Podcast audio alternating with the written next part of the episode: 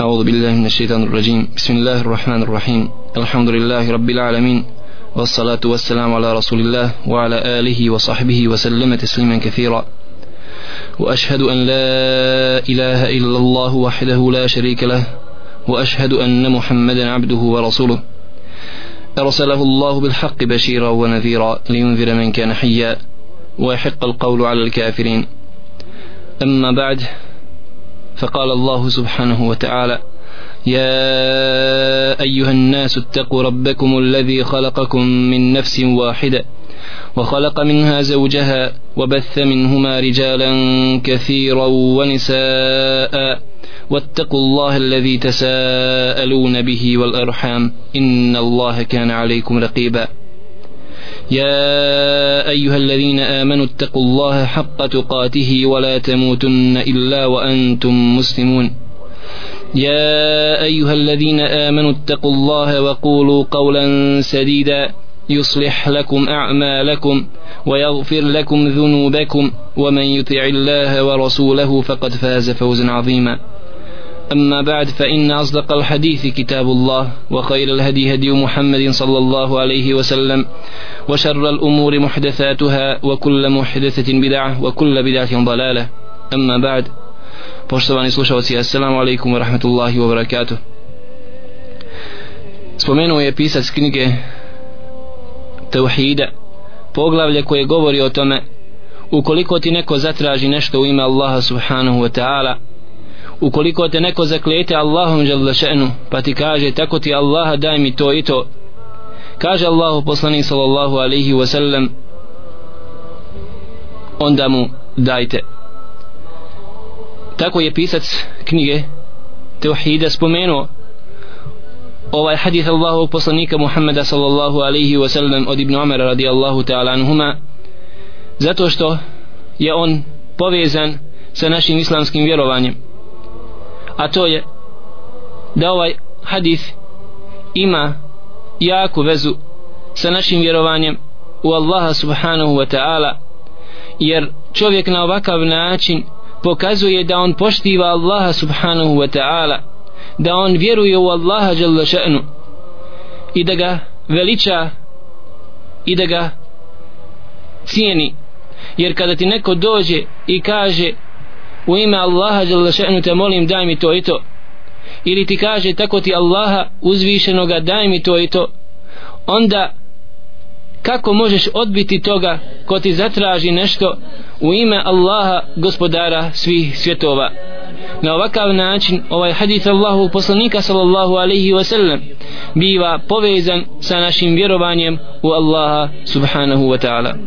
Uzvišen Allah subhanahu wa ta'ala je postakao vjernike i vjernice na mnogim mjestima u Kur'anu bilo direktno ili indirektno da udjeljuju na Allahom subhanahu wa ta'ala putu kaže Allah subhanahu wa ta'ala يا أيها الذين آمنوا أنفقوا من طيبات ما كسبتم ومما أخرجنا لكم من الأرض O vi koji vjerujete O vi koji vjerujete Udjeljujte od onoga što je Allah subhanahu wa ta'ala vam dao putem vaših ruku i vaše zarade. I udjeljujte od onoga što je Allah subhanahu wa ta'ala vam podario iz blagodati svoje iz zemlje na taj način što vas je obskrbio iz same zemlje. Allah subhanahu wa ta'ala je pohvalio vjernike i obećao im je oprost i obećao im je veliku nagradu vjernicima i vjernicama koji budu udjeljivali na Allahovom subhanahu wa ta'ala putu. Tako kaže Allah jalla ša'nu inna al-muslimina wal-muslimat wal-mu'minina wal-mu'minat wal-qanitina wal-qanitat wal-sadiqina wal-sadiqat wal-sabirina wal-sabirat والخاشعين والخاشعات والمتصدقين والمتصدقات. Wal-mutasaddiqina wal-mutasaddiqat kaže Allah subhanahu wa ta'ala doista i onda spominje kategorije i vrste ljudi koji su se odlikovali sa određenim dijelima sa islamom sa imanom zatim sa pokornošću Allahu subhanahu wa ta'ala i onda između ostali tih prisnih osobina vjernika i vjernica Allah spominje wal mutasaddiqina wal mutasaddiqat. Oni muškarci koji budu udjeljivali na Allahu subhanahu wa ta'ala putu i one žene koje budu udjeljivale također u ime Allaha subhanahu wa ta'ala na kraju Allah žele kaže a'adda Allahu lahum magfirata wa ajran azima. Allah je nima ovim prethodnim kategorijama koje smo spomenuli Allah je njima obećao i pripremio oprost. Allah subhanahu wa ta'ala im je obećao da će prijeći preko njihovih ružnih loših dijela. Prekriće ih Allah subhanahu wa ta'ala na sudnjem danu i Allah im je pripremio veliku nagradu. Allah subhanahu wa ta'ala je postakao vjernike da daju prednost svoj, eh, da daju prednost svojoj braći i sestrama nad samim sobom kada je u pitanju dunjaluk. Tako Allah subhanahu wa ta'ala pohvaljuje ashabe Allahovog poslanika Muhammeda sallallahu alaihi wa sallam koji su volili svome bratu više nego što su voljeli samim sebi tako Allah žele še'nu njih opisuje وَيُثِرُونَ عَلَىٰ أَنفُسِهِمْ وَلَوْ كَانَ بِهِمْ خَصَاصًا oni su davali drugim vjernicima i vjernicama prednost nad sobom pa makar oni bili potrebni toj samoj dunjalučkoj potrebi u kojoj su dali prednost svome bratu i svojoj sestri na ovakav način Allah subhanahu wa ta'ala postiče vjernike i vjernice da se odlikuju ovim velikim svojstvom svojstvom udjeljivanja ali to udjeljivanje mora biti isključivo radi Allaha subhanahu wa ta'ala. Mora se tim udjeljivanjem isključivo željeti lice Allaha subhanahu wa ta'ala. Mora to biti dijelo isključivo radi njega. I što bude dijelo tajnije da čovjek ga sakrije da tajno udijeli svoje bolje i sve ima više šansi da bude primljeno kod Allaha dželle še'nu. Kaže Allah subhanahu wa ta'ala opisujući vjernike koji rade i udjeljuju na Allahom subhanahu wa ta'ala putu da oni kažu siromasima nakon što udijele im nešto innama nut'imukum li vajhi Allahi la nuridu minkum jazaa wala shukura. Zbog čega to mi vas hranimo? Zbog čega smo vam udijelili tu hranu? Kaže Allah subhanahu wa ta'ala opisujući vjernike mi vas hranimo ni zbog čeg drugog nego što želimo lice Allah subhanahu wa ta'ala. Mi vas hranimo zbog toga što želimo zadovoljstvo od Allaha jalla še'nu na sudnjem danu. La nuridu minkum jazaa'an wala shukura. Mi ne želimo nikakvu povratnu uslugu od vas. Mi ne želimo čak ni da nam kažete hvala. Mi znamo zašto to radimo. Mi hoćemo nagradu kod Allaha subhanahu wa ta'ala. Može ti čovjek tražiti nešto od dunjaluka na dva načina. Bilo da ti dođe i kaže tako ti Allah daj mi to i to. Udijeli mi. To je jedan način. I na ovakav način kad neko zatraži Allahu poslanik sallallahu alaihi wa sallam ti je preporučio da mu ukoliko si u mogućnosti udovoljiš. Kako smo rekli shodno hadithu Allahu poslanika sallallahu alaihi wa sallam od Ibn Umara radijallahu ta'ala anuhuma men sa'ala billahi fa'tuh. Ko od vas bude tražio u ime Allaha subhanahu wa ta'ala da vas zaklete Allahom še'nu onda mu dajte. Učinite mu uslugu ukoliko ste u mogućnosti. A drugi način je da ti općenito nešto zatraži da ti prosi ili na nekakav drugi način traži nekakvu uslugu ili dunjalučku stvar kao siroma da ti traži da mu udjeliš nešto od novaca ili nešto drugo od dunjaluka. I u ovom slučaju preporučeno je da čovjek ukoliko može izađe u susret i pomogne čovjeka. Kako Allah subhanahu wa ta'ala je to pohvalio kod tu osobinu kod vjernika. Međutim draga braćo i sestre čovjek mora biti pametan i mora voditi računa kome udjeljuje. Jer imate mnogo oni koji traže a zaista nisu potrebni.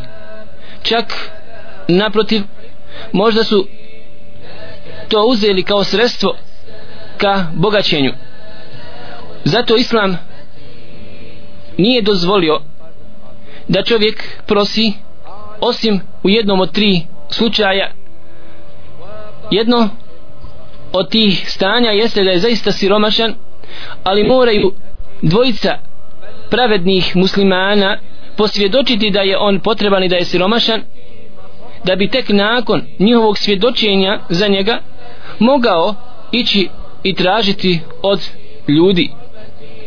Drugo stanje je kada je dozvoljeno čovjeku da prosi a to je ukoliko mu izgori imetak kao kuća ili voćnjak i tome slično u požaru ili nekoj drugoj vremenskoj nepogodi u takvoj jednoj situaciji propisano je čovjeku da ide i da traži da prosi od ljudi.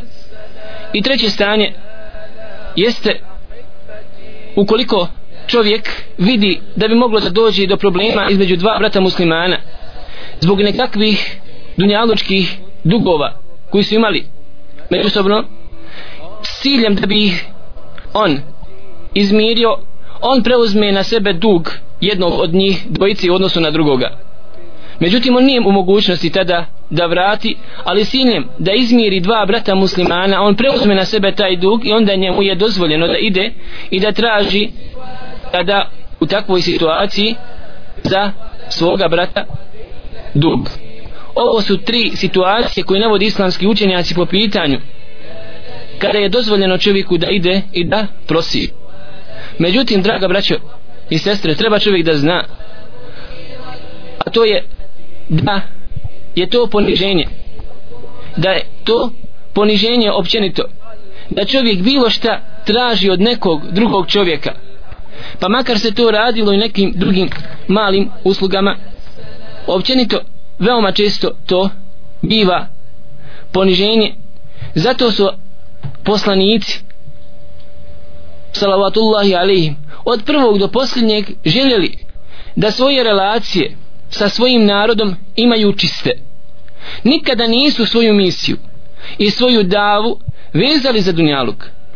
Tako ćete vidjeti u Kur'anu na mnogo mjesta da Allah subhanahu wa ta'ala naređuje svim poslanicima da kažu svome narodu mi od vas ne tražimo nikakav dunjaluk ne tražimo nikakvu dunjalučku i materijalnu korist zato što Allahova subhanahu wa ta'ala vjera mora biti visoko iznad toga.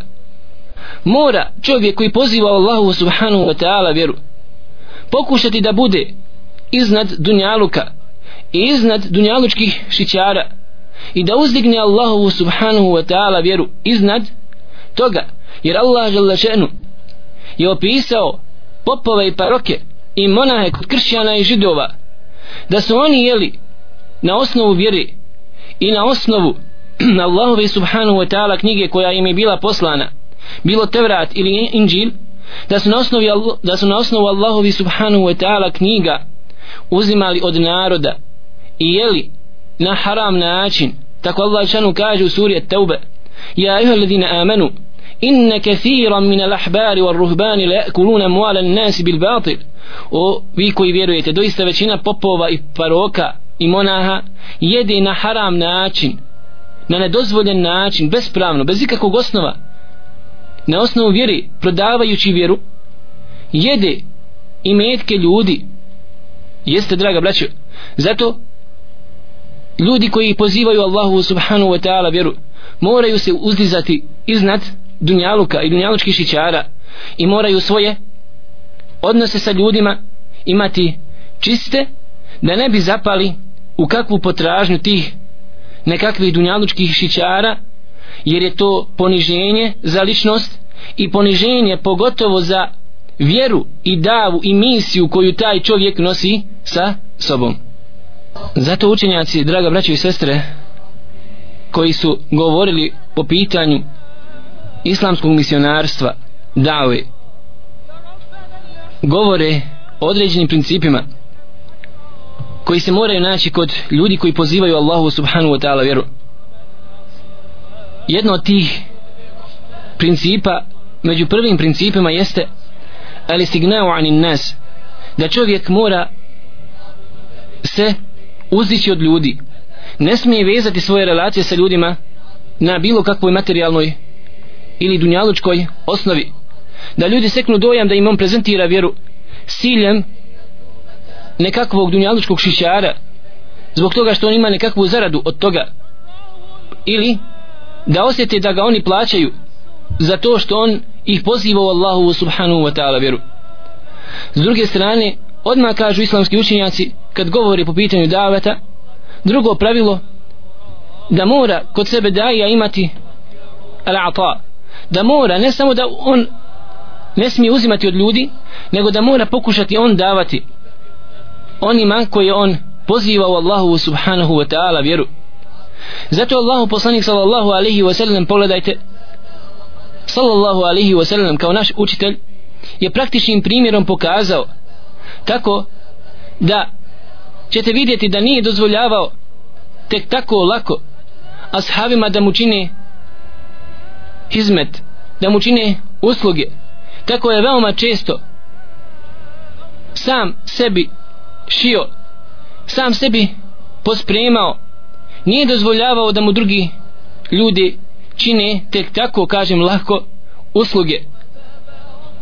Zato kaže Allahu poslanik sallallahu alaihi wa sallam izhad fima inda nas yuhibbuka nas nastoj da budeš zahid da budeš čovjek ako možemo tako reći asket u odnosu na ono što posjeduju drugi ljudi. Nemoj biti ljubomoran na to. Neka pusti ljudima dunjaluk pa ćete ljudi na takav jedan način zavoljeti. To je pravilo koje je postavio Allahu poslanik sallallahu alaihi wasallam zato vidjet ćete mnogo primjera kod prvih generacija islama i muslimana da nisu tek tako kažem lahko dozvoljavali da im neko čini uslugu. Do te mjere ukoliko bi bili na jahalici pa im ispadne štab nisu dozvoljali, dozvoljavali da im neko dođe i priđe da uzme taj štab da im podigne nego bi sami sišli sa jahalici i uzeli svoj štab jer kako kaže jedan od islamskih mudraca ne mogu ja svakome dozvoliti da mi učini uslugu pa da ima dobrotu u odnosu na mene. Ne mogu ja to dozvoliti. Nije svako vrijedan da mu se ja ponizim pa da mu dozvolim da zatražim od njega nekakvu uslugu materijalnu, dunjalučku pazite pa da se na takav jedan način ponizim. Ne zato su islamski učenjaci znali kako će se obhoditi sa ljudima i zato su bili uzori i zato su imali autoritet kod samoga naroda. Allahu poslanik sallallahu alaihi wa sallam je upozorio ljude od tražnje. Kaže Allahu poslanik sallallahu alaihi wa sallam inna l'insana la izalu yis'alu nas hatta ya'ti yawm al-qiyamati wa ma fi wajhihi muz'at lahmin neprestano će čovjek tražiti i tražiti od drugih ljudi sve dok ne dođe na sudni dan a na njegovom licu neće biti ni komad mesa. Na ovakav jedan način Allahu poslanik sallallahu alaihi ve sellem je podučio čovjeka da što god može više da što god može manje traži.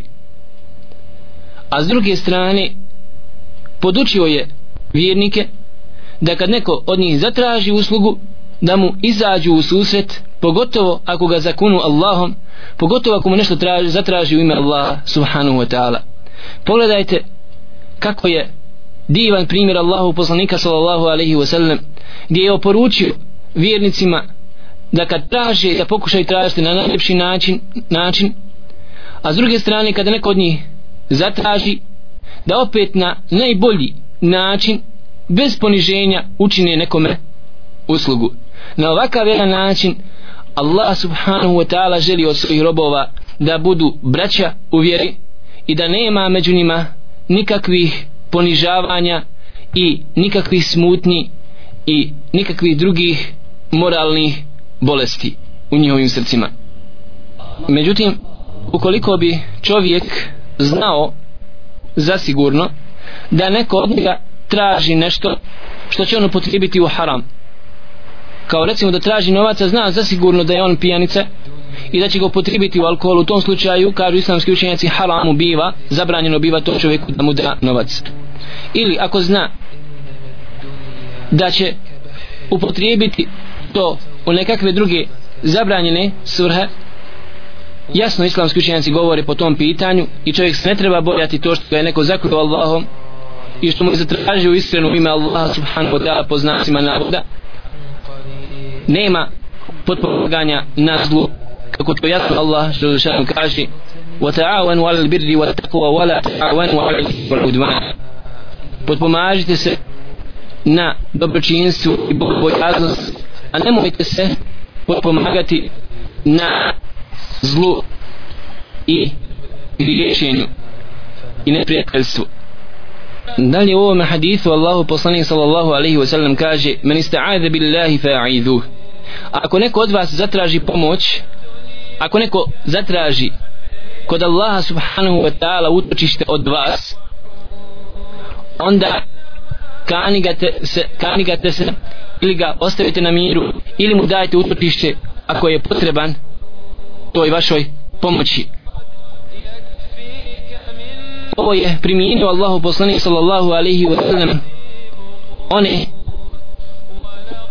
situa onoj situaciji kako navodi imam i Buharija rahmetullahi alaihi u svom sahihu. I spomin je sa malo više detalja imam ima u svom djelu Su'alam ibn Nubala po pitanju poslanik sallallahu alaihi wa sallam svijetom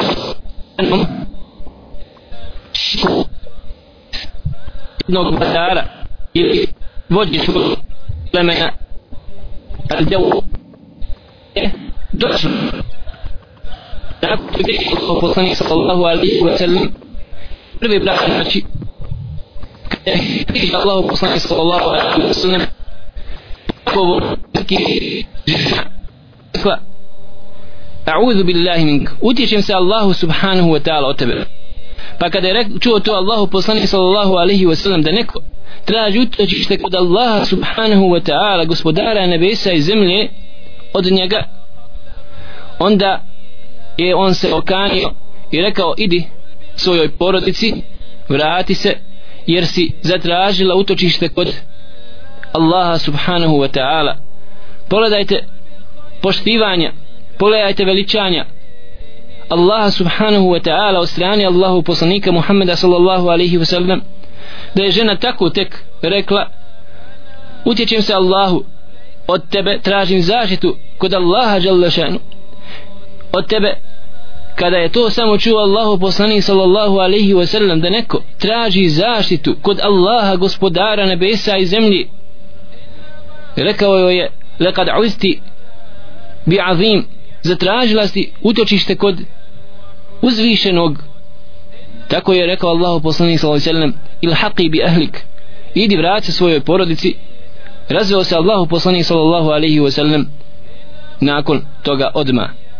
Na ovakav način želi se dati do znanja vjernicima da kad čuju riječi Allaha subhanahu wa ta'ala da moraju dobro razmisliti zbog čega i neko izgovara kada se neko zaklete Allahom da prihvati njegovo svjedočenje kada neko zatraži pomoć u ime Allaha šanu, da se čovjek ukoliko je mogućnosti odazove ako zatraži od njega zaštitu da ga zaštiti i tome slično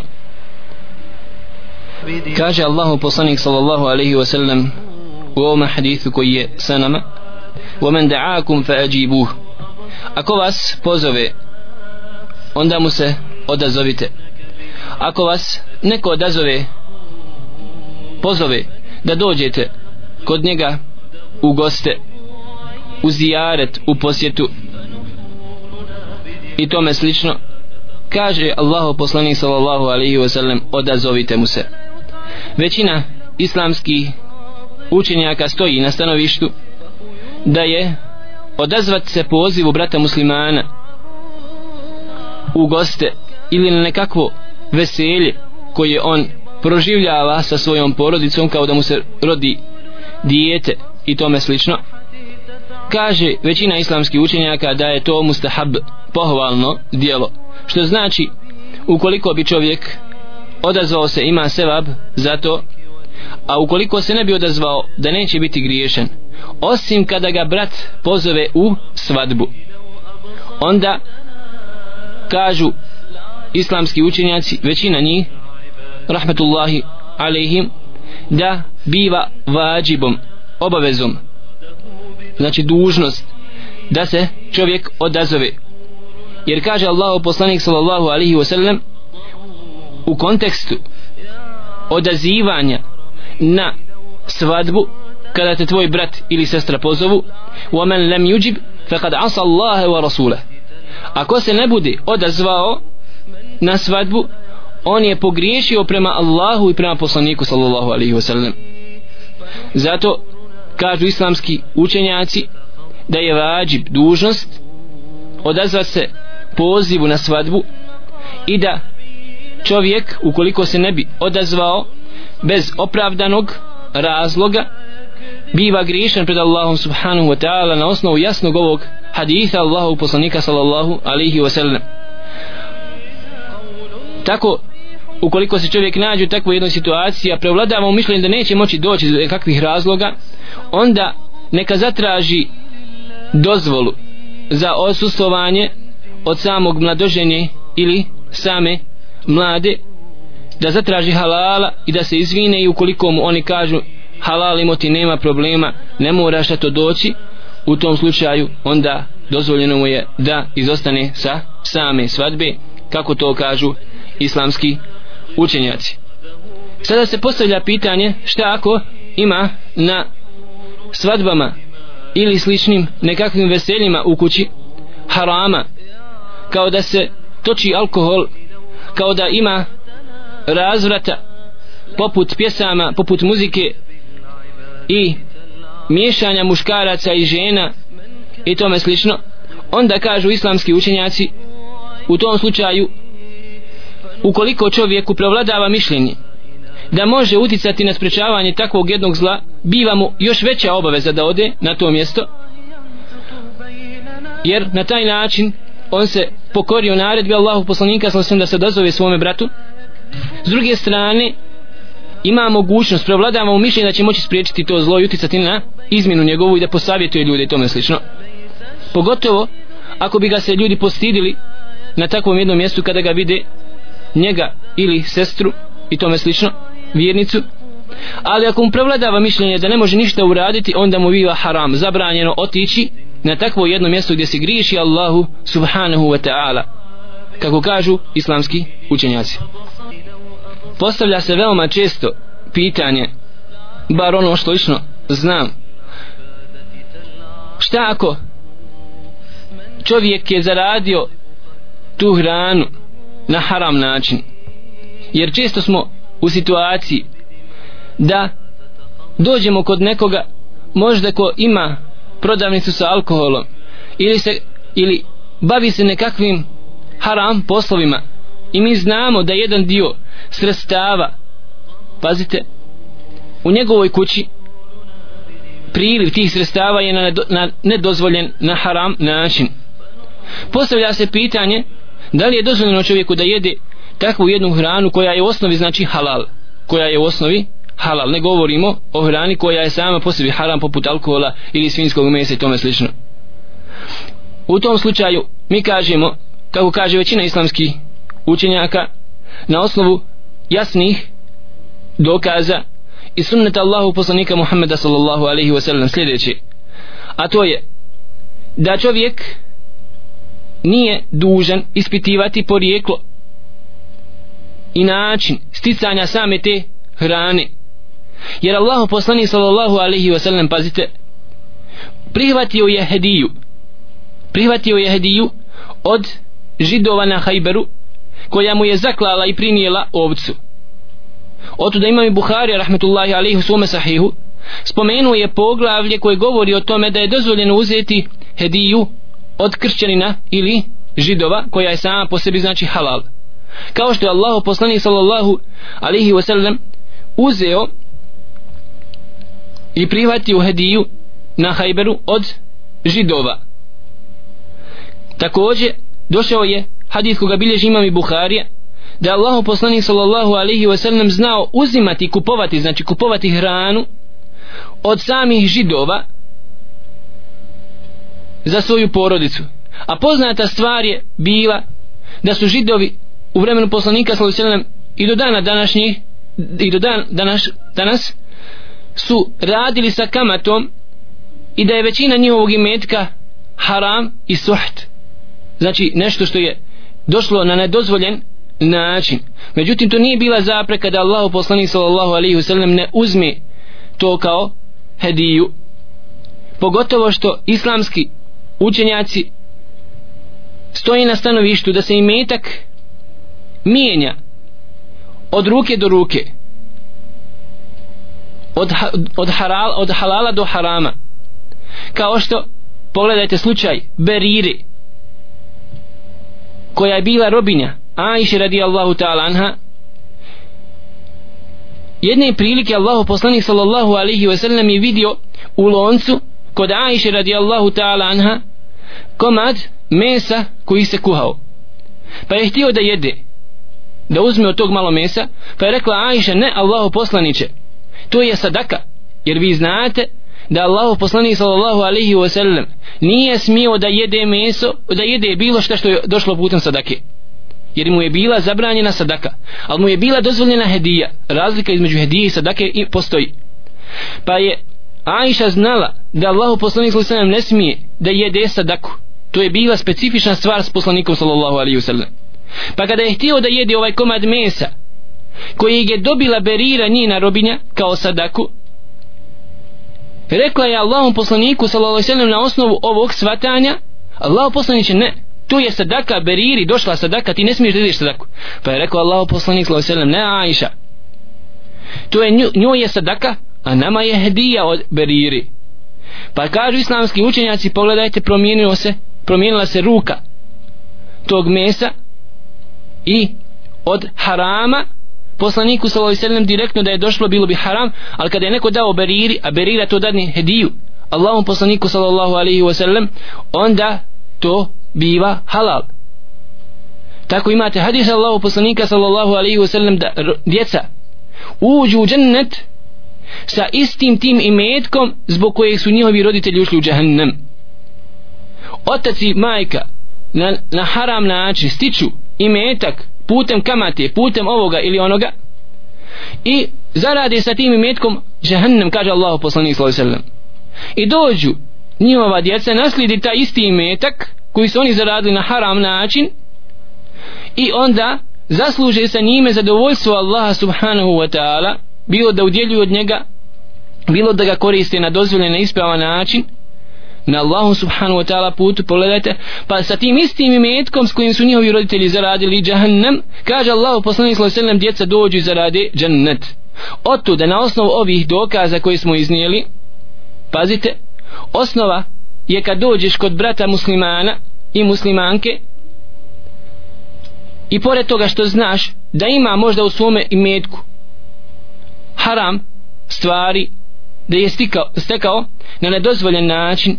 Ti nisi dužan da ispituješ tebi je dozvoljeno da tu sofru za koju sjedneš da jedeš kako se to vidi jasno iz ovih prethodnih dokaza prethodnih hadisa Allahu poslanika sallallahu alaihi wasallam. i na kraju ovog hadisa kaže Allahu poslanik sallallahu alaihi wasallam ومن صنع إليكم معروفا فكافئوه فإن لم تجدوا ما تكافئونه فادعوا له حتى تروا أنكم قد كافأتموه kaže Allah poslanik sallallahu alaihi wa sallam a ako vam neko nešto uradi dobro onda pokušajte uzvratiti na to dobro ako vama neko udijeli neku hediju onda pokušajte vi uzvratiti nekom drugom simboličnom hedijom jer tako je rekao Allah poslanik sallallahu alejhi jer to je na taj način čovjek uzvraća na pažnju pažnjom na ljubav ljubavlju na poštivanje poštivanjem. Ako ne budete našli kaže Allahu poslanik sallallahu alaihi ve sellem nešto što ćete udijeliti na hediju onda molite Allaha subhanahu wa ta'ala za njega. Blagosivljajte ga i to je ono što ima te lijep običaj kod naših starih deda i nena koji blagosivljaju kad im nešto uradiš od dobra. Vidjet ćeš po 5-10 minuta on te blagosivlja on ti upućuje, upućuje dovu za tebe. Upućuje dovu Allahu subhanahu wa ta'ala. To je sunnet Allahu poslanika sallallahu alaihi wa sallam. To je naredba koja je došla. Ako ne možeš udjeliti ti uzvrati na hediju hedijom onda uputi za njega dovu i upućuj toliko dovu sve dok ne budeš vidio da si na neki način uzvratio na tu hediju dovoljno tim blagosivljanjem dovoljnim upućivanjem dove za tu uslugu ili hediju ili poklon koji si dobio. Ovako nas je podučio Allahu poslanik sallallahu alaihi wasallam da se međusobno volimo poštujemo cijenimo potpomažemo